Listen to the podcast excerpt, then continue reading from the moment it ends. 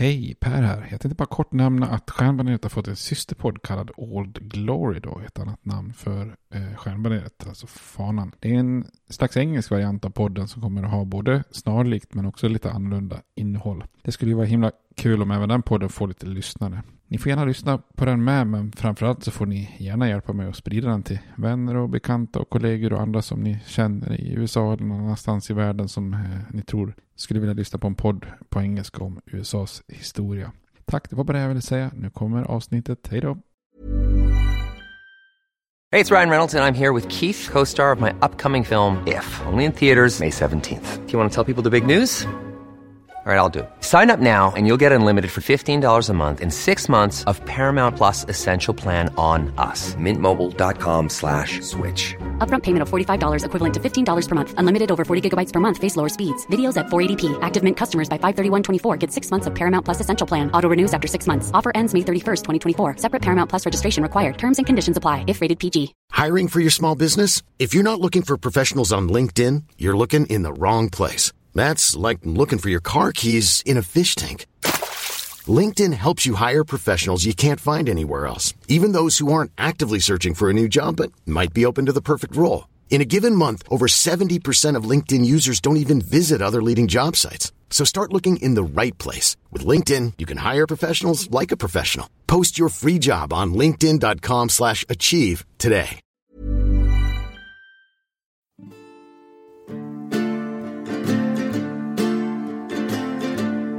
We hold these truths to be self-evident, that all men are created equal, that they are endowed by their Creator with certain unalienable rights, that among these are life, liberty, and the pursuit of happiness. Now we are engaged in a great civil war, testing that government of the people, by the people, for the people, shall not perish from the earth. And so, my fellow Americans, ask not what your country can do for you, ask what you can do for your country. I have a dream. My four little children will one day live in a nation where they will not be judged by the color of their skin, but by the content of their character. Mr. Gorbachev, tear down this wall. I did not have sexual relations with that woman, Miss Lewinsky. Hej och välkommen till Stjärnbaneret, en podcast om USAs historia. Där vi för närvarande är inne i en liten miniserie om eh, den amerikanska västern. Så idag är det dags att fortsätta den här serien då och eh, fortsätta djupdykningen i den här lite my mytiska epoken av den amerikanska mm, historien. Eh, I första avsnittet så pratar vi ju om eh, hur västern eller gränslandet, the frontier som det kallas, flyttades från egentligen Appalacherna i, i öster fram till Mississippi-floden. Och där hade det ju kunnat vara ett stopp om inte USA hade så att säga, utökat sina gränser. Men det gör ju USA genom att köpa det här enorma Louisiana-territoriet från Frankrike här nu. Det lilla affären mellan Thomas Jefferson och, Napoleon Bonaparte. Eh, sen i andra avsnittet så pratar vi ju om de här första utforskarexpeditionerna västerut. Och vi gjorde framförallt en liten djupdykning i Lewis och Clark-expeditionen som ju är extremt känd och legendarisk. Men vi tittade, tittade också lite grann på, ja det är några tidigare konkurrenter där. Den här britten eller skotten Alexander Mackenzie som, ehm, som var ett, antal år före Lewis och Clark och korsade kontinenten. Men också den lite mindre kända expeditionen under Zebulon Pike där, som var både uppe i Minnesota och nere i, i sydvästra delen av dagens USA. Och det är lite grann där vi tar vid och idag tänkte jag att vi skulle prata ehm, mycket om pälsjägare och de tidiga pionjärerna eh, som tar sig västerut. Eh, och även lite grann om maktkampen, alltså hur olika delar av eh, det som är den bortre västern eh, blir amerikansk och vilka, vilka nationer det var som gjorde anspråk på det här. Men innan vi tar det då så eh, sa jag ju åt er förra gången ifall ni ville hänga med på öltips och ölkunskap att försöka få tag på en amerikansk Pale Ale. Det här är ju det som kallas för APA. Ifall ni hör någon som lite slänger sig med lite coola uttryck och säger jag ska dricka en APA så är det ju en American Pale Ale. Och som, som det hörs på namnet så är det ju faktiskt en eh, ölstil som har uppkommit i USA och dessutom i den västra delen av USA som vi eh, ska prata om idag här. Eh, och det är ju egentligen en vidareutveckling av en brittisk Pale Ale, alltså typ en Strong Bitter eller Extra Special Bitter. Och den här stilen utvecklades i 70-talet faktiskt i, i USA då. Eh, och det sägs ju att det är bryggeriet Sierra Nevada eh, Brewing Company som eh, har sitt säte i Chico, Kalifornien som var först ut. Och det man gjorde var att man började använda Eh, en humlesort, Cascade, i, i större utsträckning då. Eh, och det här är en humle som hade funnits länge men som brittiska bryggare valt bort för man tyckte att det var lite väl fruktig, citrusaktig sådär. Eh, men i USA börjar man upptäcka att ja, men den här citrusaktiga blommigheten är ju ganska trevlig så att eh, vi, vi använder den ganska friskt här. Och dessutom ville man ha en lite ljusare Pale Ale än den brittiska, alltså, alltså gyllengul till, till liksom kanske ljus kopparfärgad på sin höjd. Och, Eh, inte så mycket så här karamellmalt och sådär. Och så jäste man ut den med en liten torrare gäststam så att den vart eh, eller renare gäststam så att den vart lite så här ren och torr och neutral då. så att den låter humlen vara i första rummet.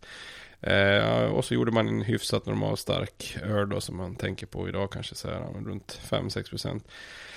Och när det här var populärt så började man ju odla fler humlesorter som gav lite så här citrus grapefrukt, eh, talbar eh, stil på, på smaken då. Och de här sorterna, mm, det finns många sorter som heter till exempel Amarillo, Chinook, Centennial, Simcoe, Willamette, Columbus, Tomahawk. Och det är ju spännande för vi kommer att komma tillbaka till eh, väldigt många av de här namnen faktiskt i dagens avsnitt eftersom detta är platser längs den klassiska Oregon Trail till exempel.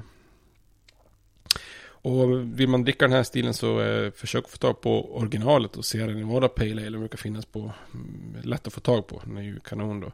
Eh, annars kan man testa Lagunitas New Dogtown Pale Ale eller någon svensk variant som jag sa innan. Poppels American Pale Ale, Jämtlands American Pale Ale, Nynäshamns Bedare Bitter. Kan vara eh, exempel på en, en klassisk American Pale Ale, en APA. Eh, nästa avsnitt så tar vi också en öl som faktiskt kommer ha en eh, väldigt tydlig koppling till avsnittet. Och vi tänkte att vi skulle dricka det som kallas för California Common eller Steam Beer. Eh, och får man ta på Anchor Steam Beer säger det själva moderna originalet av den här stilen. Men det finns ett antal svenska varianter också. Coppersmith The Steam Beer. Jämtlands Steamer som faktiskt jag såg till och med på klass 2-variant på, på Ica. Eh, Rådanäs California Common eller Pine Ridge Fearsome Grizzly California Lager. Eh, Brygghuset Finns California Lager. Eh, det sägs också att Pistonheads Amber Lager ska vara en sån här typ av öl. Så att försök att få greppa en sån till nästa avsnitt så hänger vi med igen när ölen följer historien.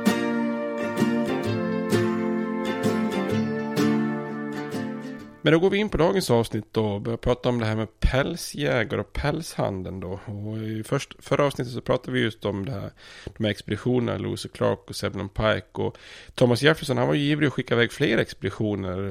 Eh, lite mer ivrig än kongressen kan man säga. Jefferson vill ha mycket medel från kongressen och kongressen är inte så villig att betala lika mycket som Jefferson önskar här. Och, men det kommer iväg några få expeditioner men ganska många av de här expeditionerna är relativt misslyckade. Eh, inte alls på samma sätt som Lewis och Clark då. Eh, men där arméns liksom, officiella expeditioner misslyckas med att kartlägga västen så, så kan man säga att ett antal pälsjägare och pälskompanier och firmer är desto mer framgångsrika. För är det någonting som Lewis och Clark-expeditionen gör är ju att väcka intresset hos pälsjägare eh, under den första delen av 1800-talet. Då. Mycket fram till 1830-talet. Eh, och under den här perioden så är det framförallt pälsjägare som rör sig västerut. Eh, och det här är ju inte någonting som startar här och nu. Alltså pälsjakt det har ju funnits liksom. Det är lika, lika gammalt som, eh, som, som Nordamerika i, i sig då. Men, men efter Lewis och Clark-expeditionen så tar den verkligen fart här i det som vi, vi idag betraktar som den amerikanska västern då. Eh, och när man tänker på pälsjakt så tänker man på de här skäggiga gubbarna som är ute och jagar och handlar med ursprungsamerikaner. Och, eh, pälshandeln är ju också oerhört beroende av de här jägarna, trappers som de ibland kallas för. Men man ska också komma ihåg att många ursprungsamerikaner eh, är ju involverade i det här. Där männen jagar och kvinnorna förbereder pälsen och ibland kanske pälsjägarna snarare köper sin päls snarare än att jaga den själv då. Eh, men pälsjakten bakom kulisserna eh, blir ju väldigt snabbt också kommersiellt som eh, med mycket annat i den amerikanska historien där firmor och kompanier som det heter tar över då. Och det här, det här är ju klassiskt liksom för hela den amerikanska västerns historia att man ofta sätter fokus på de här enskilda individerna, alltså pälsjägare, guldvaskare, nybyggare, men som man ser oftast, är det, de är ju bara aktiva en otroligt kort period. Sen kommer alltid någon form av liksom kapitalistiska krafter och tar över i, i västern. Ofta med federala, eh, federalt eh, statligt stöd. Då.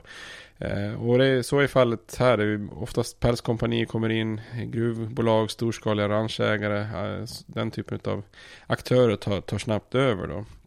Men om man nu pratar om den här tidsperioden, sekelskiftet 1800 och framåt, så ska man ju komma ihåg att pälshandeln är ju som sagt inte nytt. Det har ju funnits i, i princip 200 år. Och många av de här europeiska kolonierna som, som egentligen anlades redan på 1600-talet finansierades ju till stor del genom just pälshandeln.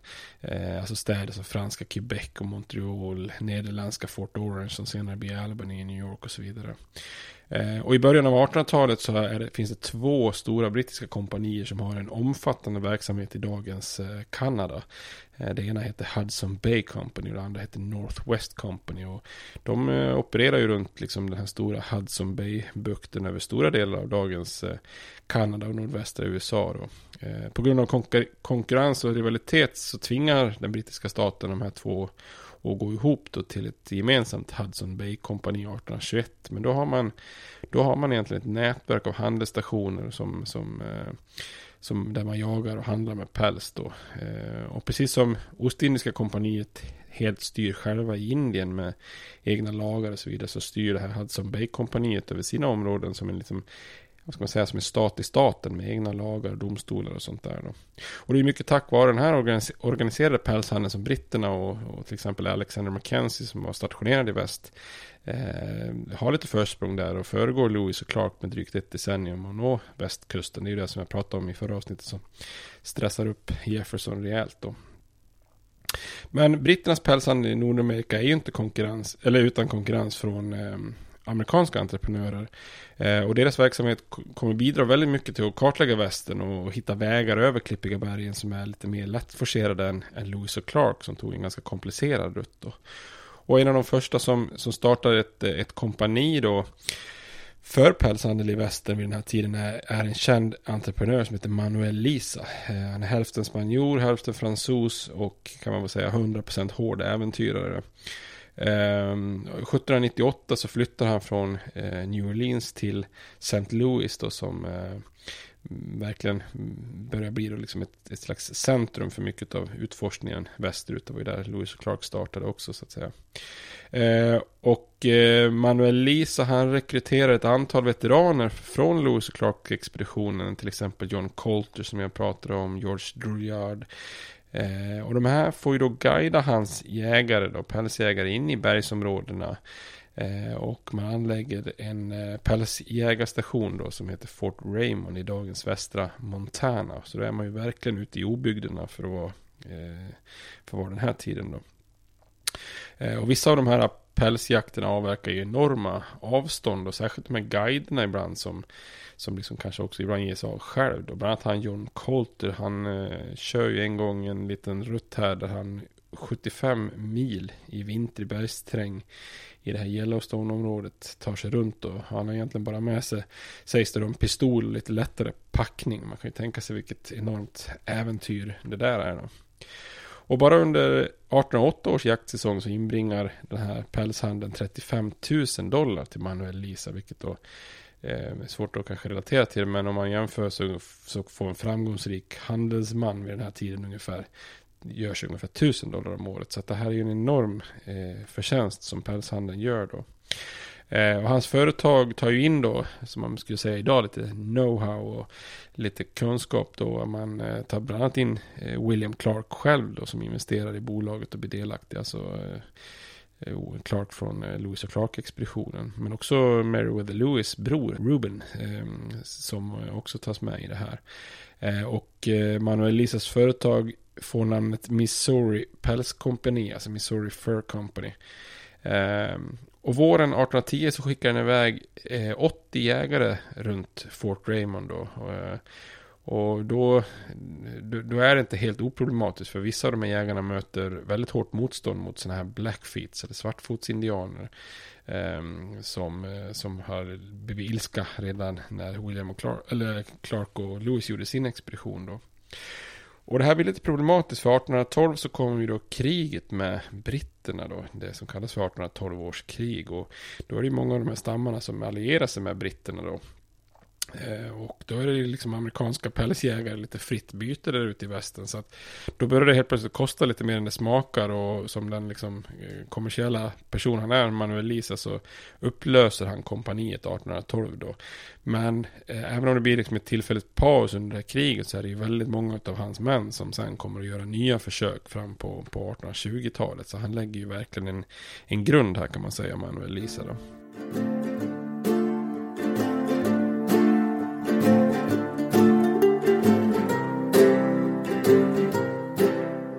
Ett annat kommersiellt kompani som också eh, får ge upp sina spännande försök att etablera pälshandeln i väst i samband med kriget 1812. Det är den så kallade Astoria-kolonin på Stilla havskusten. Det här är ju en spännande historia för alltså Louisiana, Louisiana-köpet tar ju inte USA hela vägen fram till västkusten. Men ganska snabbt är det ju många som får upp intresset för det här territoriet i nordväst som, som eh, då går under namnet Oregon. Ehm, och en av de här är John Jacob Astor. Som är, och Astor han är en sån här äh, typisk amerikansk framgångshistoria. Han är son till en slaktare i Waldorf i Tyskland. Ehm, och kommer till USA med, med enligt eh, han själv 25 dollar i fickan då. Och uh, trots det så lyckas han då göra, bli en av de mest framgångsrika äh, affärsmännen i, i USA då. Eh, och han lyckas så väl till slut att han skapar det kända pälskompaniet som kallas för American Fur Company. Eh, som har sin bas i New York då. Där man bedriver pälshandel runt de här stora sjöarna i öst. Alltså egentligen en slags arv från eh, Nya Nederländerna och den kolonin som, som lades där från första början då. Eh, men han, eh, John Jacob Astor, han nöjer sig inte med de här stora sjöarna. Han blickar västerut och han inser vilka, vilka rikedomar det finns att tjäna i det som, som kommer att bli det nordvästra USA och sydvästra Kanada. Eh, så han tänker helt enkelt etablera ett nätverk från sin verksamhet i New York eh, och sen västerut med små stationer längs Missourifloden. Eh, med, med liksom någon större station i St. Louis och så vidare. Hela vägen ut på, på västkusten då. Och när det gäller västkusten då så etablerar han 1810 en pälsjägarstation som, som får då namnet Astoria då. Alltså uppkallat efter honom själv. Jag menar, det är klart, vem skulle inte eh, döpa det efter sig själv? Givet, givetvis naturligtvis. Eh, men den är ju belägen då vid Columbiaflodens utlopp på västkusten då. Och Eh, hur den här kolonin etableras är spännande för halva kolonin tar sig dit via skepp då. Eh, men så har vi också då en expedition som tar sig västerut till fots. Så det här blir ju den andra expeditionen efter Lewis och Clark som gör den här resan västerut längs eh, Missourifloden då. Och den här expeditionen är ledd av Wilson Hunt. Och om föregångaren Lewis och Clark var välplanerad så är hans expedition ganska dåligt ledd och dåligt förberedd då så att säga. Så att, eh, men eh, lite efter råd från Clark och den här John Colter så tar man en liten annan rutt över Klippiga berget. Men, eh, men man får det tufft på håret att man klarar sig fram dit till västkusten till Astoria där. 1812 tas ytterligare en grupp då från den här kolonin landvägen österut tillbaka igen för att rapportera tillbaka till Astor i New York då. Eh, och för att undvika de här krigiska svartfötterna så tar den här gruppen en väg längre söderut än vad både Louis och Clark och den tidigare eh, gruppen gjorde då. Och eh, då hittar man en ny väg då genom det så kallade South Pass. Och det är, det är den vägen de tar österut 1812 som, som kommer att leda till den här legendariska Oregon Trail som, som mängder med nybyggare tar västerut framöver. Då. Men eh, Astoria pärlstation blir ju en riktig så här äh, nagel i ögat på britterna. Det blir ju en konkurrent utan dess like med, med det här brittiska Hudson Bay-kompaniet. Eh, och vid den här tiden är ju Hudson Bay-kompaniet uppdelat i två bolag och, och, tanken är ju från Astro faktiskt egentligen också att just konkurrera ut de här. Därför att de brittiska kompanierna får inte sälja pälsar västerut till Asien. Därför att där har ju det brittiska Ostindiska kompaniet och det kanske lite mer kända kompaniet har ju monopol på, på handeln där. Så då tänker Astro att eh, driva de här brittiska kon konkurrenterna i kurs genom att själv sälja västerut mot eh, Asien då. Men försöket att etablera den här eh, Astoria blir ju problematiskt när det här kriget 1812 bryter ut mot just britterna då. Och eh, bara ryktet om att ett brittiskt krigsfartyg är på väg att ta över Astoria räcker för att de kvarvarande männen i den här lilla kolonin då eh, säljer den till brittiska handlare. Lite grann så här mottot räddare som räddas kan då. Så att eh, då går det här Astoria lite grann i stöpet då och, och säljs till britterna. Så man kan säga att det här kriget 1812 skjuter ju upp amerikansk närvaro här ute i den eh, sydväst, då, eller i nordväst till Oregon ett antal eh, år då helt enkelt.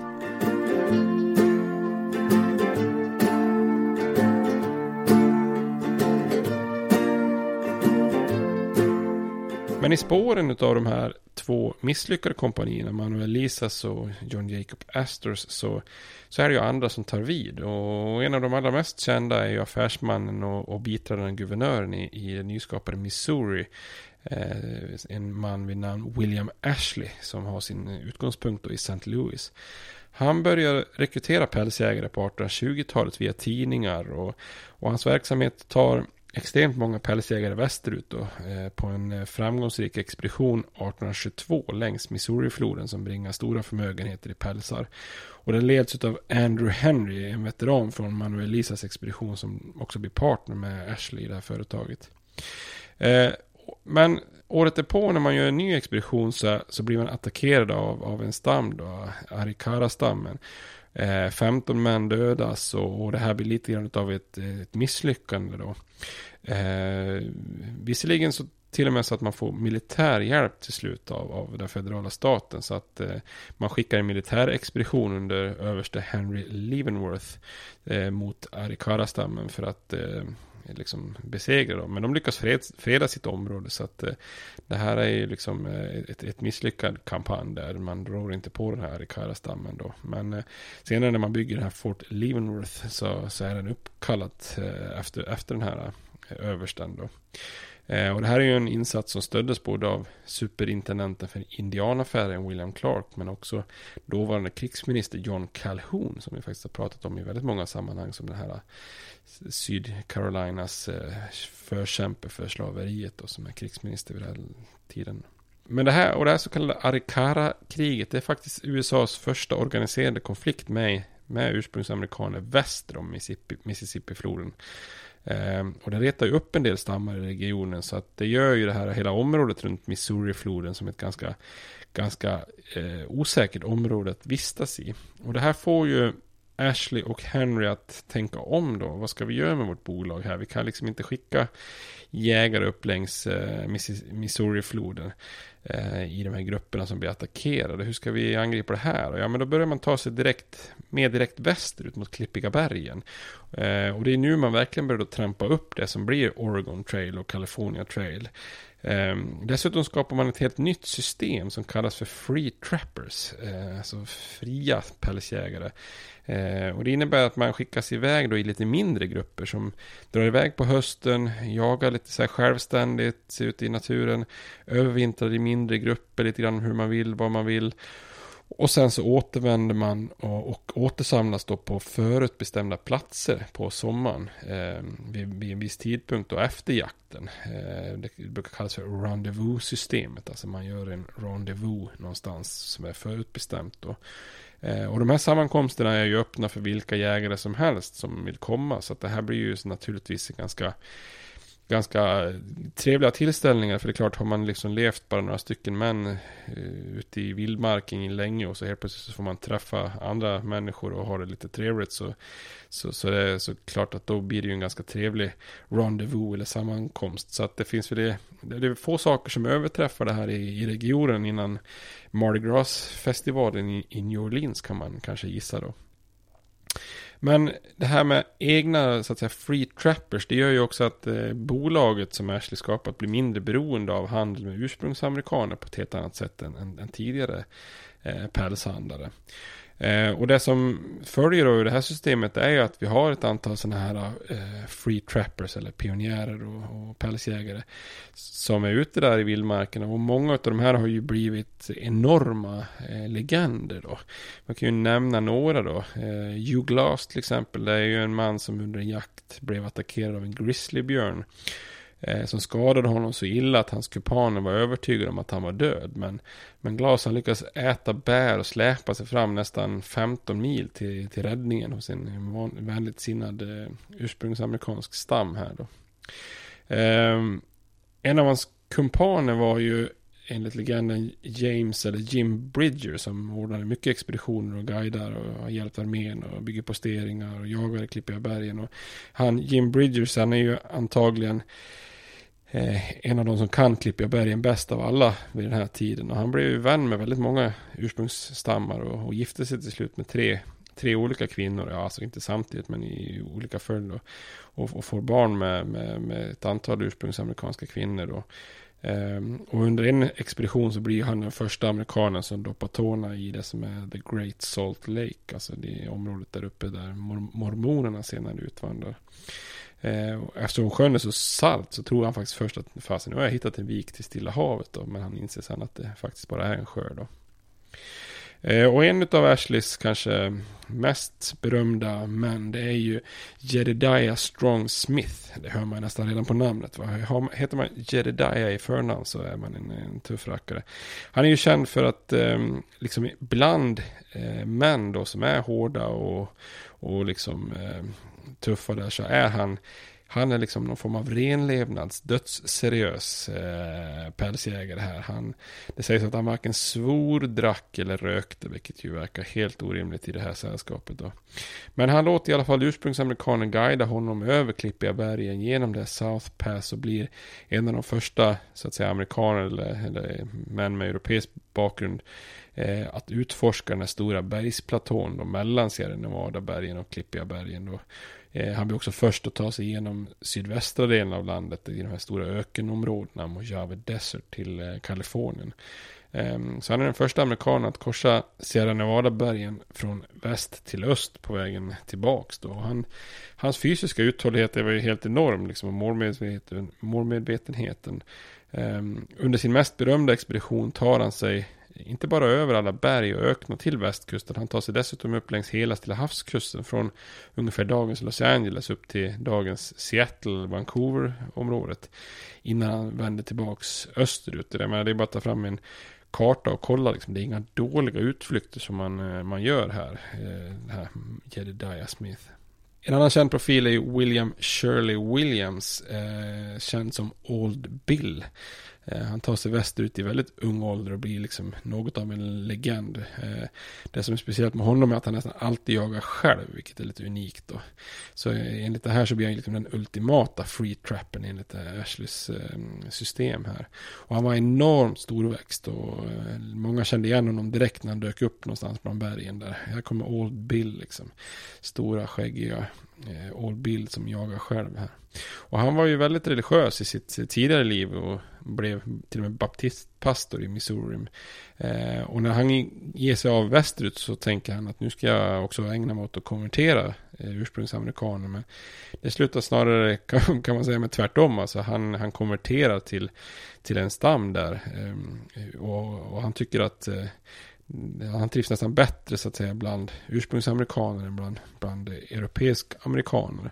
Eh, och den här Old Bill Williams, hans liv är ju också ett bevis på hur multikulturellt västern är. Ja, för han slår sig ner då i en stam, gifter sig med en kvinna, får två barn och, och, och säger sig trivas bättre där då. Men när hans fru dör och han guidar en grupp söderut till New Mexico då, då träffar han istället en mexikansk änka och gifter om sig där nere. Och, och lever ett liv där. Så då tar han ju mycket del av den kulturen också. Sen trivs han inte i New Mexico så då tar han sig vidare i, in i bergen igen. Och då blir han adopterad av ytterligare en stam av ursprungsamerikaner. Så det här bevisar ju också lite grann att västern är ju otroligt multikulturell vid den här tiden då.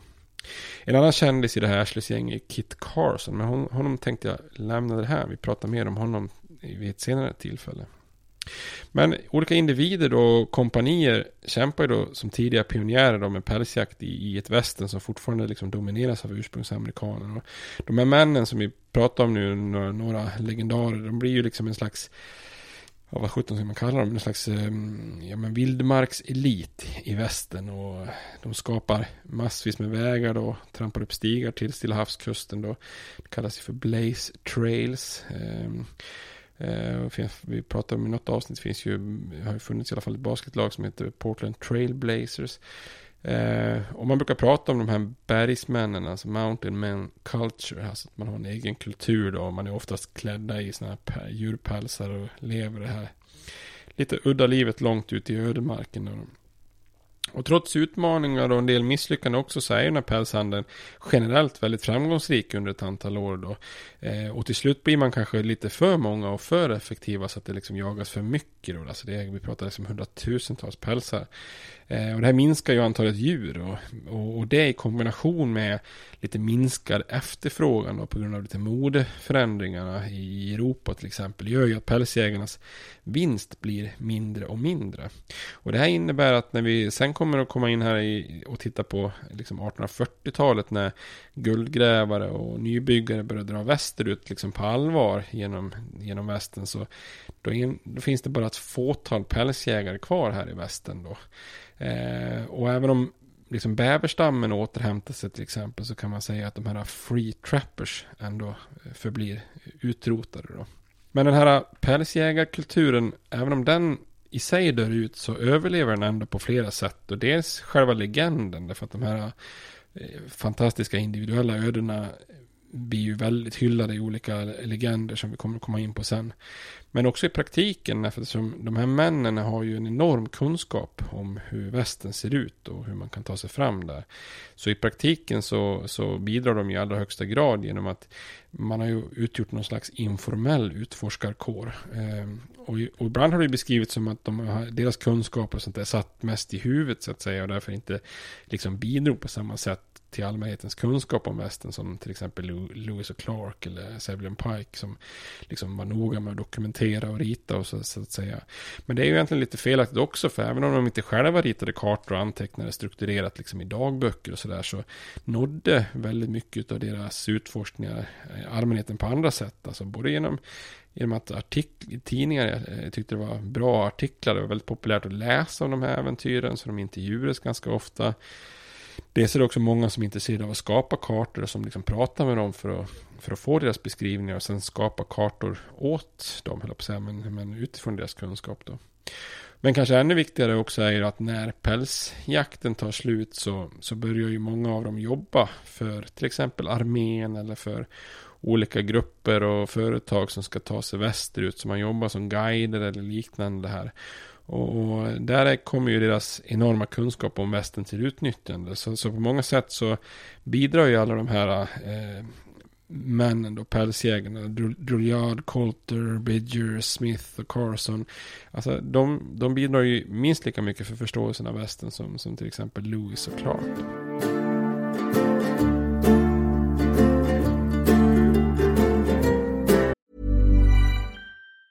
In the market for investment-worthy bags, watches and fine jewelry, Rebag is the answer. Rebag is a luxury resale platform where each piece is carefully inspected by experts to ensure quality and authenticity. Use Rebag to buy and sell finds from the world's top brands, including Louis Vuitton, Chanel, and Cartier. Head to Rebag.com and get up to 15% off your first purchase as a member with code REBAGNEW. Shop today at Rebag.com. That's R E B A G.com. And use promo code REBAGNEW for up to 15% off your first purchase as a member. I'm Sandra, and I'm just the professional your small business was looking for. But you didn't hire me because you didn't use LinkedIn jobs. LinkedIn has professionals you can't find anywhere else, including those who aren't actively looking for a new job but might be open to the perfect role, like me. In a given month, over 70% of LinkedIn users don't visit other leading job sites. So if you're not looking on LinkedIn, you'll miss out on great candidates like Sandra. Start hiring professionals like a professional. Post your free job on linkedin.com slash achieve today.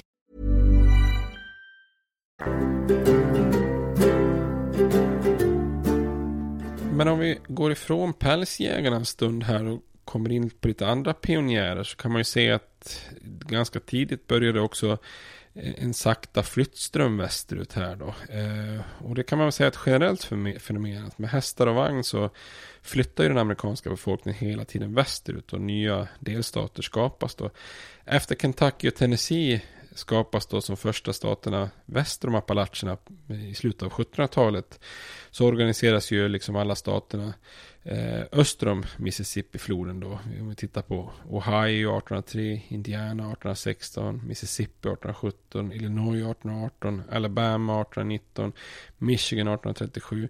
Dessutom så började man ju organisera de första delstaterna väster om Mississippi-floden. Louisiana 1812, ja det ligger ju en kantboll, det ligger lite både väster och öster om Mississippi-floden. Men eh, främ, främst väster om Mississippi-floden. Eh, staten Missouri 1821, vi pratar om den här Missouri-krisen kring slaveriet. Eh, man löser ju det på 1820-talet. Då blir Missouri en, delstat. Arkansas blir en delstat 1836.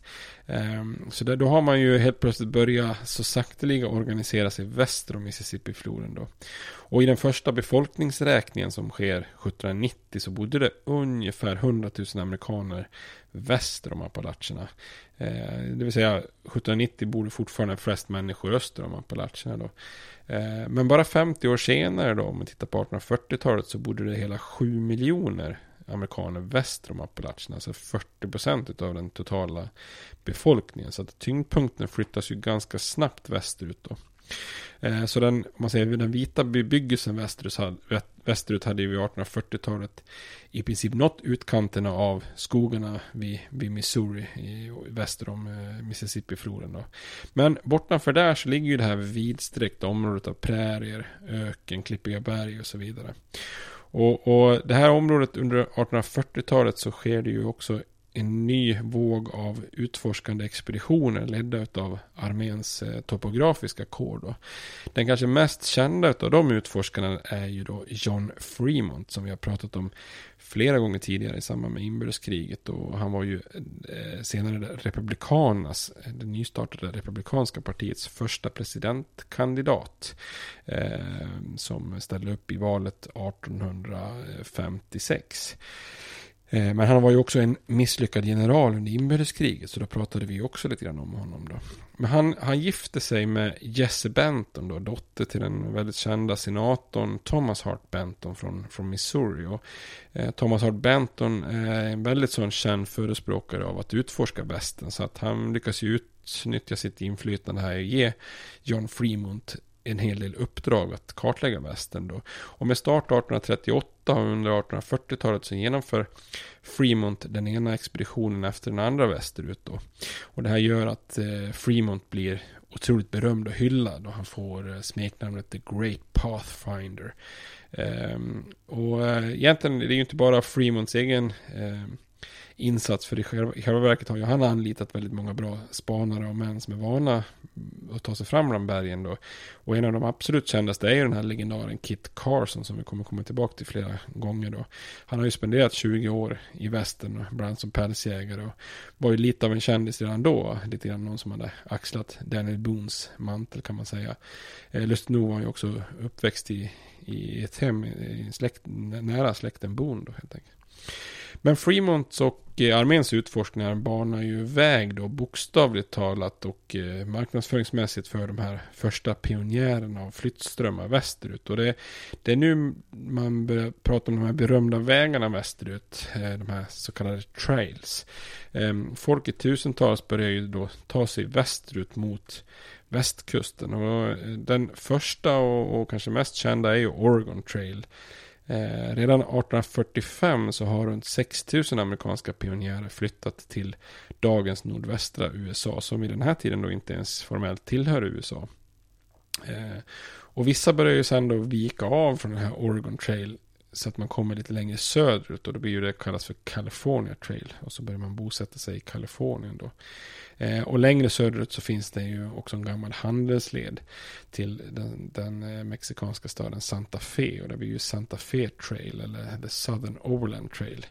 Eh, som går till Texas. Så att man börjar ta sig även söderut. Och, eh, på många sätt är det lite svårt att förklara varför folk ger sig ut på sådana här enorma strapatser. Alltså man, man korsar en halv kontinent för att slå sig ner på territorier vars ägare egentligen det är lite oklart. Eller man vet inte riktigt vilken nation man tillhör om man bor här. Och det, det verkar vara ett antal faktorer ihop som startar de här flyttströmmarna. Alltså på 1830-talet så har ju landspekulanter köpt upp all mark i den gamla västern, alltså mellan Mississippifloden och Appalacherna. Och dessutom så kommer det ju en ekonomisk depression, då paniken 1837, eh, som, som, eh, som inleds då. Eh, och för vissa så kanske det är naturligt att börja ta sig mot Texas som ligger närmare. Men eh, de som kanske inte gillar slaveriet mm, ser inte det heller som ett alternativ. För där etablerar sig ju slaveriet.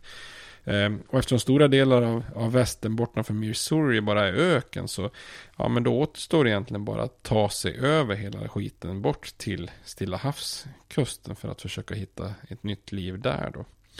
Eh, så Oregon som, som många siktar på då, det ligger ju verkligen alltså långt borta. Det, det här är ju inte någon, inte någon eh, veckoresa direkt. Följer man Oregon Trail från då, om man, bör, om man startar som många gör då i Independence, Missouri eh, och tar sig bort till Oregon så är det ju kanske ungefär motsvarande drygt 300 mil. Eh, om man tar sig bara cirka två mil om dagen med, med oxar och, och vagn så att säga. Så det här är ett enormt företag. Då. Man får ju man får alltså helt enkelt ge sig av på våren. Så fort gräset växt till sig så att djuren kunde beta. Och så, så fort det bara går att ta sig av väg måste man ge sig iväg. För det gäller att hinna fram då innan vinterstormarna. Så maj och juni spenderas man ute på de här slätterna, the Great Plains. Som är liksom ett mäktigt hav av platta gräsbetäckta marker. Då. Sen blir det lite mer besvärligt när man börjar korsa klippiga bergen då genom det så kallade South Pass.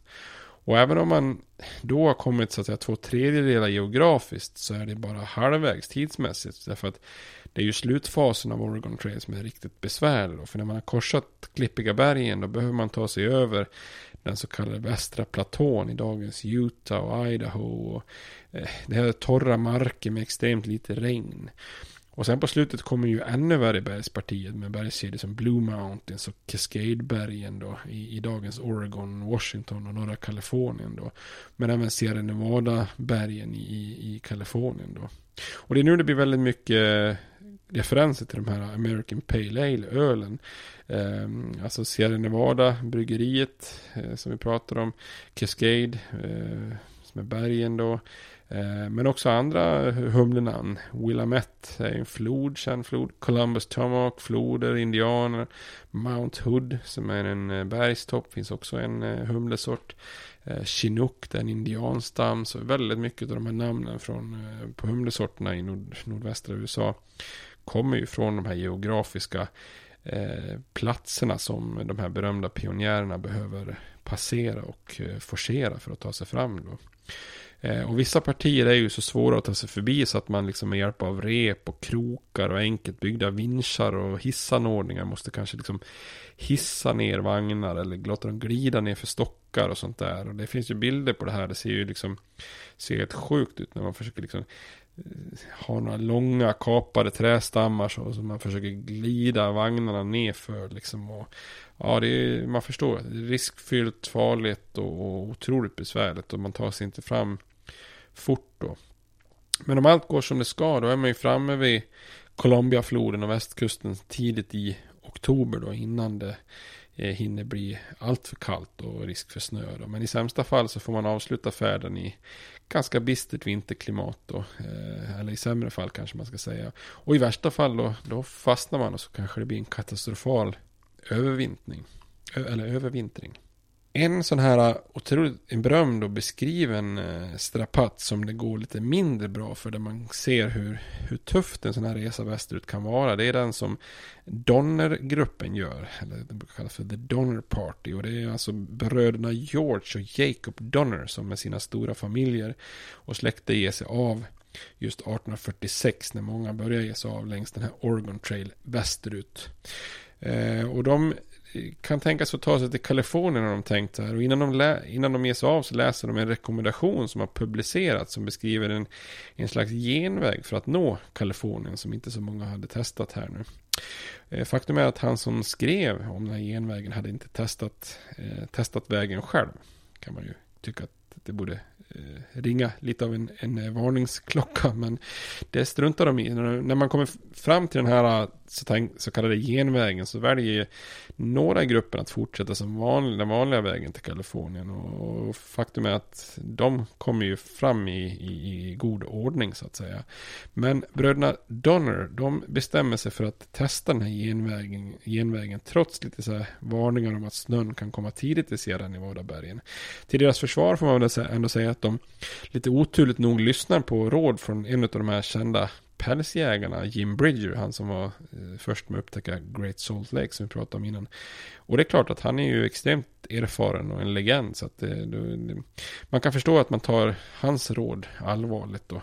Men problemet med Bridger är att han, han underskattar avståndet så att de borde kanske inte ha lyssnat på honom då. Eh, så 77 personer och 23 vagnar Eh, är de då i det här sällskapet, bröderna Donners sällskap. Men det här blir lite av en helvetesfärd då, för det mesta går fel. De hamnar på en väldigt svår väg där man måste hissa ner vagnarna för ett bergspass. Eh, när man når Great Salt Lake i slutet av augusti så är man kraftigt försenade. Eh, och när man fortsätter över Great, The Great Salt Lake-öknen här så har man fått eh, rekommendationen att ta med sig vatten och hö för, för djuren som räcker ungefär två dygn. Men det visar sig att det tar ungefär sex dygn att passera. Så nu dör ett antal djur. Eh, det sinkar dem ytterligare. Så till slut när man når Sierra Nevada-bergen så har det redan blivit oktober då. Och väldigt sent på säsongen för att fortsätta. Men man chansar ändå eh, att vi, vi måste försöka ta oss hela vägen fram. Och det, men det skulle de inte ha gjort då. Och i mitten av oktober så har man då fastnat i ett igensnöat bergspass. Eh, det här bergspasset får ju senare också namnet The Donner Pass. Eh, och man tvingas söka skydd och det finns en liten närliggande övergiven stuga men där, där får inte alla plats. Man får försöka bygga tillfälliga skydd här. Och det blir svinkallt, djur dör, man fryser. Mat och vatten tar snabbt slut. Eh, till slut får man liksom kanske tillaga kokad oxhud som blir någon slags klistrig massa som man kan, som man kan äta. Eh, ja, det låter ju, låter inte jättesmakfullt. Och så läget börjar bli otroligt desperat. Och Eh, då bestämmer man att en mindre grupp på 15 kvinnor och män, de blir kallas för The Forlorn Hope, att de ska ge sig av i snön då i ett slags försök att nå hjälp då. Och man bygger någon slags rudimentära snöskor som de ska försöka ta sig fram då. Men det här är ju inte ett lätt uppdrag heller att ta sig ut i den här snön då. Eh, och på vägen så, så är, blir de så desperata så de tvingas i princip att till kannibalism. Och tvingas äta kött från, från eh, vissa av de som stupar längs vägen. Eh, och det sägs att de var väldigt noggranna med att göra markering för, på det köttet man tar med sig så att ingen ska liksom behöva äta en, en närstående. Eh, och till slut i mitten av januari så är det sju av de här 15 som, som överlever och som når då bebyggelsen i, i Sacramento-trakten. Eh, och när de meddelar att det finns en stor grupp insnöad här så försöker man ju då göra räddningsförsök. Men ett par försök misslyckas där i januari och det är inte förrän i februari som man till slut når fram till den här Donnergruppen och även där har man i princip tvingats till kannibalism för att överleva. Då. Och så av den, hela den här gruppen på, på över 70 pers så är det bara knappt hälften som, som överlever. Bland annat dör ju båda bröderna George och Jacob som, som har lett familjerna här. Eh, och den här kannibalismen är någonting som ingen av dem egentligen vill prata om i, i efterhand. Och att snön var djup, det kan man verkligen förstå. För man söker på, på bilder för, det här Donner Party så kan man se. Alltså man, de har tagit foto på den här platsen där de övervintrade. Eh, när snön sen har försvunnit. Och då ser man liksom en massa träd som, som när snön har försvunnit ser ut som att någon har sågat av dem. Och, och kapat dem tre meter ovanför marknivån då liksom. Och det var ju de träden som, som man kapade för att skapa skydd. Då. fast det var det att då stod de ju på snötäcket liksom tre meter upp. Så det är ju enorma mängder. Så det här är ju en av de mest tragiska historierna i migrationen västerut. Och en av överlevarna som gav råd till andra pionjärer senare poängterade starkt eh, det, det här gav råd då. Never take no cut-offs and hurry along as fast as you can. Så det var vad ska man säga, matnyttiga tips eh, efter att man har upplevt en sån här hemsk historia. Att eh, lita inte på genvägarna och, och ta det fram fort. Kan vara lurigt med genvägar. Eh, för fick The Donner Party upptäcka.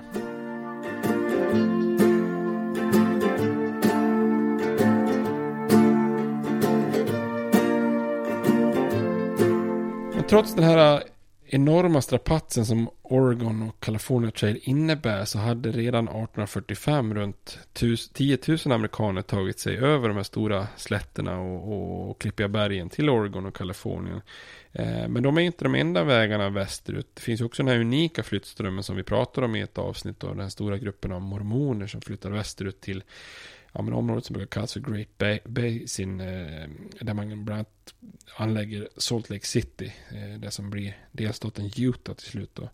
Eh, och de trampar, ju, trampar upp sin egen lilla, som kallas Mormon Trail. Som, som senare blir att kallas för Central Overland Trail. Då. Eh, så att, eh, men jag tänkte jag inte att vi skulle prata mer om. De har vi redan pratat om i, i, i, ett, avst i ett avsnitt. Då. Eh, även i sydvästlig riktning tar sig folk då. Och det börjar ju med den här berömda Santa Fe Trail då som uppstår mellan eh, amerikanska Missouri då hela vägen sydväst genom Mexiko ner till dagens Santa Fe i, i dagens New Mexico. Då. Eh, och här har det inte varit så mycket aktivitet tidigare för spanjorerna så länge de har marken där eh, så har ju de länge vaktat sitt territorium eh, i sydväst ganska hårt. Så, så fort så expeditioner som till exempel den Seblon Pike som vi pratade om. Så fort de har ryktats vara i området så rycker de ju ut här och arresteras och så skickas tillbaks så att säga. Men 1821 så, så väljer en handelsman, William Becknell, att, att eh, ta med sig ett följe med packåsnor. Han, tanken är ju ursprungligen att han ska handla med, med comancherna, en indianstam i området. Eh, så man tänkte att de, de kan vi nog utbyta några varor med. Då. Eh, men han vet ju också att det, att det är hög risk att arresteras. Men han chansar ändå då. Men när man börjar ta sig söderut här så, så välkomnas man till Santa Fe. För att nu har Mexiko brutit sig loss från Spanien här. Så att nu är det inte längre spanskt utan en egen nation då. Eh, så att eh, ja, det blir en framgångshistoria. Becknell säljer sina varor med enormt stor vinst och sen återvänder han den runt 140 mil långa vägen tillbaks till Missouri då. Eh, och just den här första resan gör ju att Becknell får smeknamnet Father of the Santa Fe Trade. Eh, och eftersom det här gick så bra så gör han en ny vända året på. Allt fler hänger på. Och till slut började den federala staten känna att ja, men det här är en viktig handelsväg. Så man bygger bland annat den här Fort Leavenworth i, i Kansas för att kunna eskortera handelsmän. Eh, för att Comancherna och flera stammar i området är inte alltid så fredliga. 1831 så etablerade också bröderna Charles och William Bent orten Bents Ford, Fort som blir en eh, handelsplats längs vägen där man också kan göra paus och skaffa förnödenheter. Och den här Santa Fe-handeln är ju väldigt, väldigt omfattande. Det är alltså riktiga liksom, karavaner som tar sig fram längs vägen mellan Santa Fe och Independence, eh, Missouri. Eh, och den här staden Independence, Missouri, den, den kallas fortfarande för smeknamnet Queen City of the Trails eftersom både Santa Fe och California Oregon Trails startas, startar där. Och i den här lilla sömniga orten Santa Fe så är det ju en väldigt stor happening när karavanerna kommer, eh, dyker upp här liksom. Folk skriker liksom Los Americanos och det livar upp och det blir lite fest och tjo och och handel. Eh, och den här Santa Fe Trail är ju betydelsefull handelsrut ända fram tills att den ersatts eh, 1872 av en av de här transkontinentala järnvägen som kallas just för Santa Fe Railroad. Men det är inte bara handel som går i den sydvästliga riktningen, även flyttströmmar av amerikaner som drar till framförallt Texas då. Det här har vi pratat om i tidigare avsnitt. Så, eh, till en början bjuder mexikanerna in amerikanerna att flytta sydväst, framförallt till Texas då. För, alltså man har ju frigjort sig från Spanien, eh, men inser ju också att eh, Texas utgör ju den nordöstra utkanten av den mexikanska land, eh, nationen och det är glest befolkat och eh, lite svårt att beskydda och sådär. Så man hoppas att ja, man kan vi locka dit lite amerikaner också, det blir en lite tätare befolkning här så kan man kanske utveckla och skydda den här regionen. Då. Men efterhand så blir ju amerikanerna fler än, än liksom de mexikanska ursprungsbefolkningen, eller de mexikaner som bor där. Och då blir det ju mycket slitningar och mycket av slitningarna beror just, just på att den mexikanska staten har ju förbjudit slaveriet. Men det kommer ju väldigt mycket slavägare från södern. Och då helt plötsligt blir det samma slitsamma debatter som det, som det är i övrigt i USA kring just eh, slaverifrågan. Och det här leder till konflikt, uppror och så slutligen då en självständighetsrörelse eh, som eh, leder då till det som kallas för Texas frihetskrig 1835 till 1836. Eh, flera av de kändaste personerna som involverade i hela den här Texas-grejen då Moses och Stephen Austin och Sam Houston. Alltså det är ju namn som vi är bekanta med idag eftersom städer har uppkallats efter dem då. Eh, och man vinner sin självständighet eh, som en egen republik, eh, Texas, men man upptas inte i USA förrän flera år senare just på grund av den här känsliga slaverifrågan. Och ett av de kändaste tillfällena är ju den här belägringen av The Alamo när mexikanska armén dödar väldigt många utav, eh, i princip nästan alla utav försvararna där. Eh, och där är det ju en del sådana här västernlegender som, som faktiskt befinner sig. Då. En är ju James Bowie, han som är känd för att vara skicklig med kniv i strid och dueller. Och, och, och därmed få en, en kniv, då, Bowie-kniven uppkallad efter sig. Då. En stor rackare till kniv då. Eh, han är ju en känd man i, i sydväst som tidigare eh, flyttat till Texas. Och, eh, faktiskt ägnat sig åt bland annat att smuggla in afrikanska slavar efter att det blivit förbjudet i den amerikanska södern att, att importera slavar. Då. En annan känd man som dör i, i, i Alamo är ju den riktiga västernhjälten David Crockett, eller Davis som han oftast kallas då. Han växte ju upp i östra Tennessee och var ju bra på jakt och historieberättande och i myten kallas han oftast för King of the Wild Frontier. Eh, men han är också politiker. 1827 så väljs han att representera Tennessee i den federala kongressen i Washington. Och där motsätter han sig bland annat Andrew Jacksons politik eh, med den här Indian Removal Act. Alltså att tvångsförflytta stammar västerut. 1835 så förlorar han i kongressvalet och flyttar därefter till mexikanska Texas, Texas. Eh, Hans egen historia när han kommer fram till Texas eh, löd så här. I told the people of my district that if they saw fit to re-elect me I would serve them faithfully as I, have, eh, as I had done. But if not they might go to hell and I would go to Texas. I was beaten gentlemen and here I am. Så det är ju en bra, bra entré han gör i Texas då. Eh, men han är ju med då som en av försvararna i det här The Alamo. Och efter sin död så, så skjuter hans berömmelse verkligen i höjden. Och han blir eh, legendariskt beskriven i den ena efter den andra myten, pjäser och böcker. Eh, och han blir ju kort och gott den kanske mest berömda folkhjälten i amerikansk historia då. Mm, det enda han kan, kan rivalisera med är väl, är väl Daniel Boone då. Eh, bland annat gör ju Walt Disney sen en serie, en serie om David Crockett på 50-talet och det blir ju oerhört populärt när han porträtteras med en sån här coonskin cap, alltså en, eh, vad heter det, bäverpälsmössa med sån här svans och tofs. Eh, och det här gör ju faktiskt också att man börjar porträttera, porträttera Daniel Boone med en sån mössa, fast han egentligen historiskt hatade sådana mössor. Eh, däremot Lewis hade faktiskt en sån på Lewis och Clark-expeditionen. Så eh, det är lite olika vem som har en sån coonskin cap och vem som inte gillar det.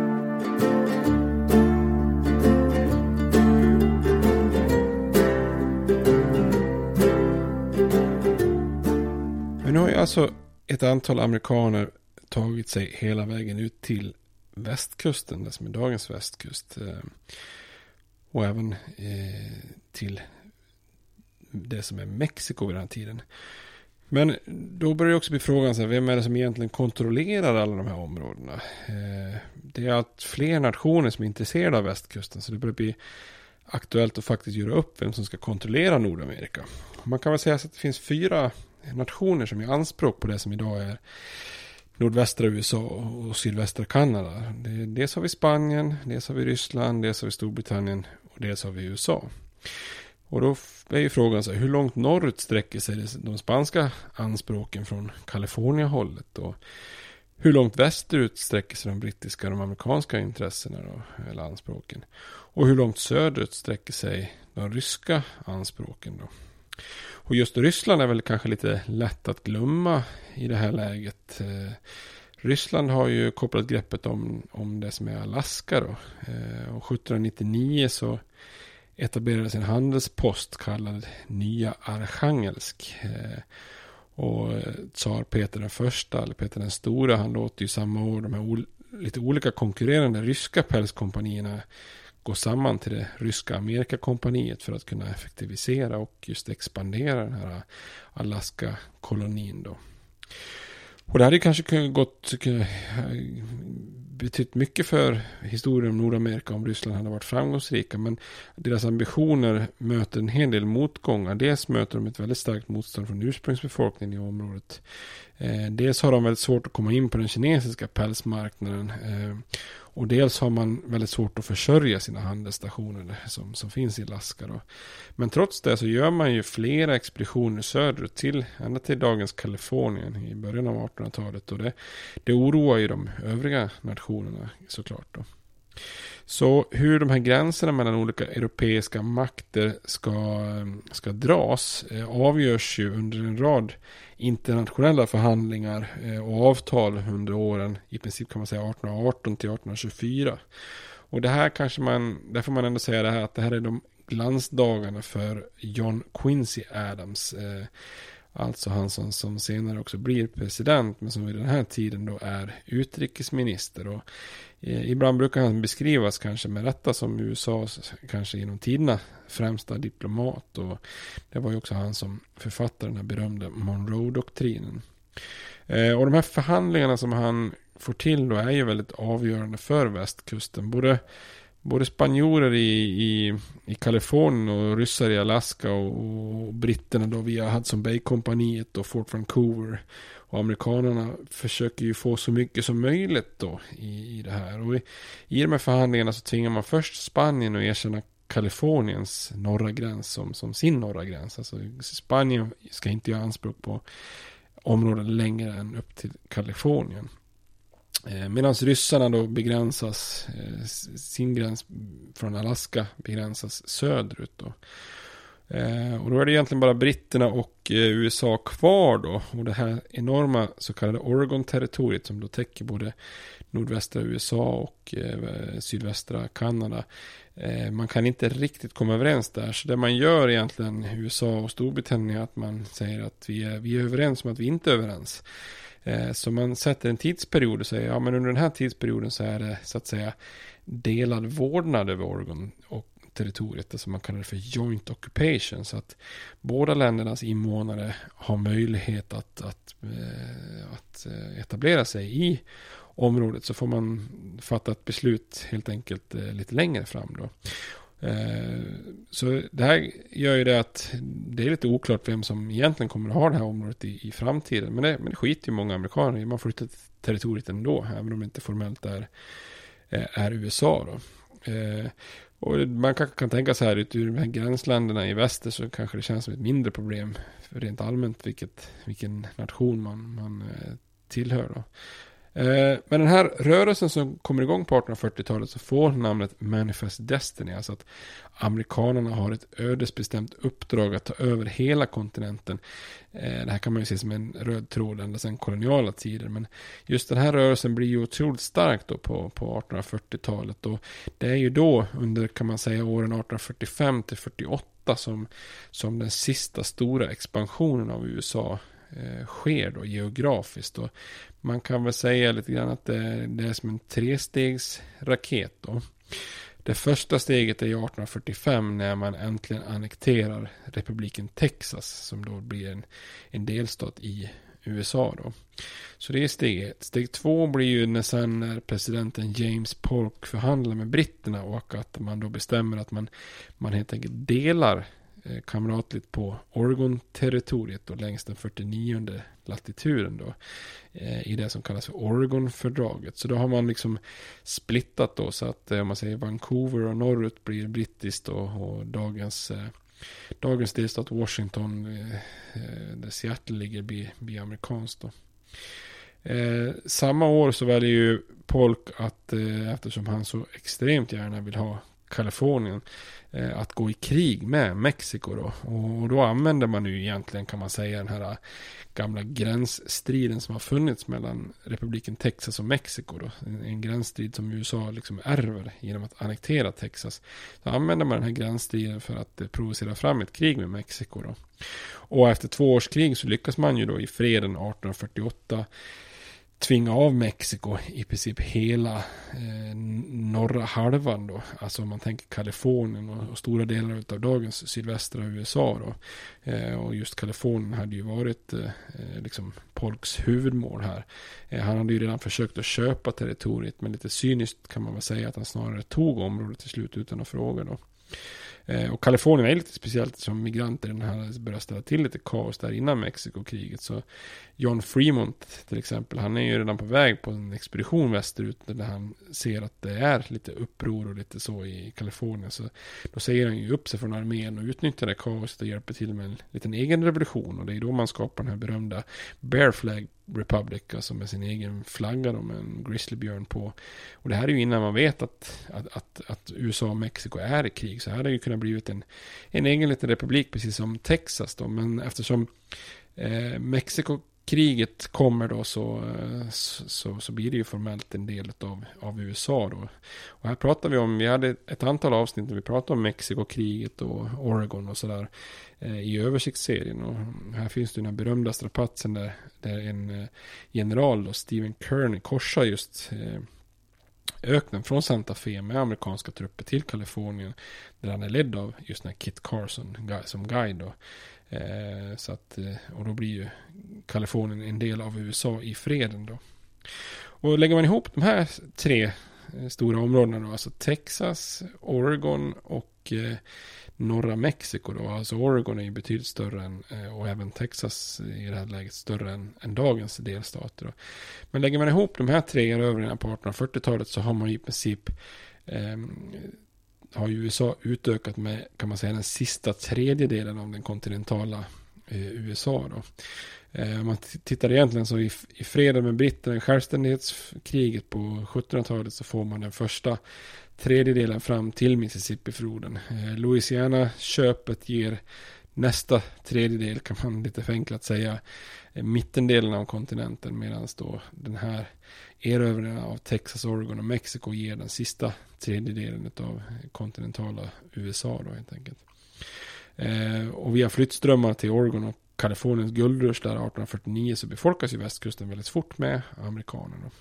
Men organiseringen av västern är ju en skör fråga under hela 1800-talets första halva och speciellt efter Mexikokriget eftersom det alltid uppstår en, en diskussion om det ska bli en fri eller en slavstat. Det där var vi inne på eh, mycket kring kompromissen 1850 då. Men då vi, om man tittar på den här bortre västern då, the far west eller the last frontier som man brukar säga det också. Det är ju ett relativt outforskat område fram till och med inbördeskriget. Eh, stora delar av området har ju blivit en del av USA och organiseringen har lite hämmats av, av inbördeskriget. Men eh, organiseringen sätter högsta fart eh, redan och expansionen sätter ju fart redan innan inbördeskriget. Eh, med just guldruschen i Kalifornien. Och det här är ju bara första guldruschen. För sen kommer det ju flera till guldruschen. där folk tar sig västerut och det bildas en massa laglösa städer och annat. Men det är mer om, om eh, guldgrävare och gruvstäder helt enkelt i, i nästa avsnitt av eh, serien om västern. Tills dess så får ni ha det bra. Hej då! States like these and their terrorist allies constitute an axis of evil. And if the hippies and the yippies and the disruptors of the systems that Washington and Lincoln as presidents brought forth in this country will shut up and work within our free system of government, I will lower my voice. if the impeachment provision in the Constitution of the United States will not reach the offenses charged here, then perhaps that 18th century Constitution should be abandoned to a 20th century paper shredder. Therefore, I shall resign the presidency effective at noon tomorrow.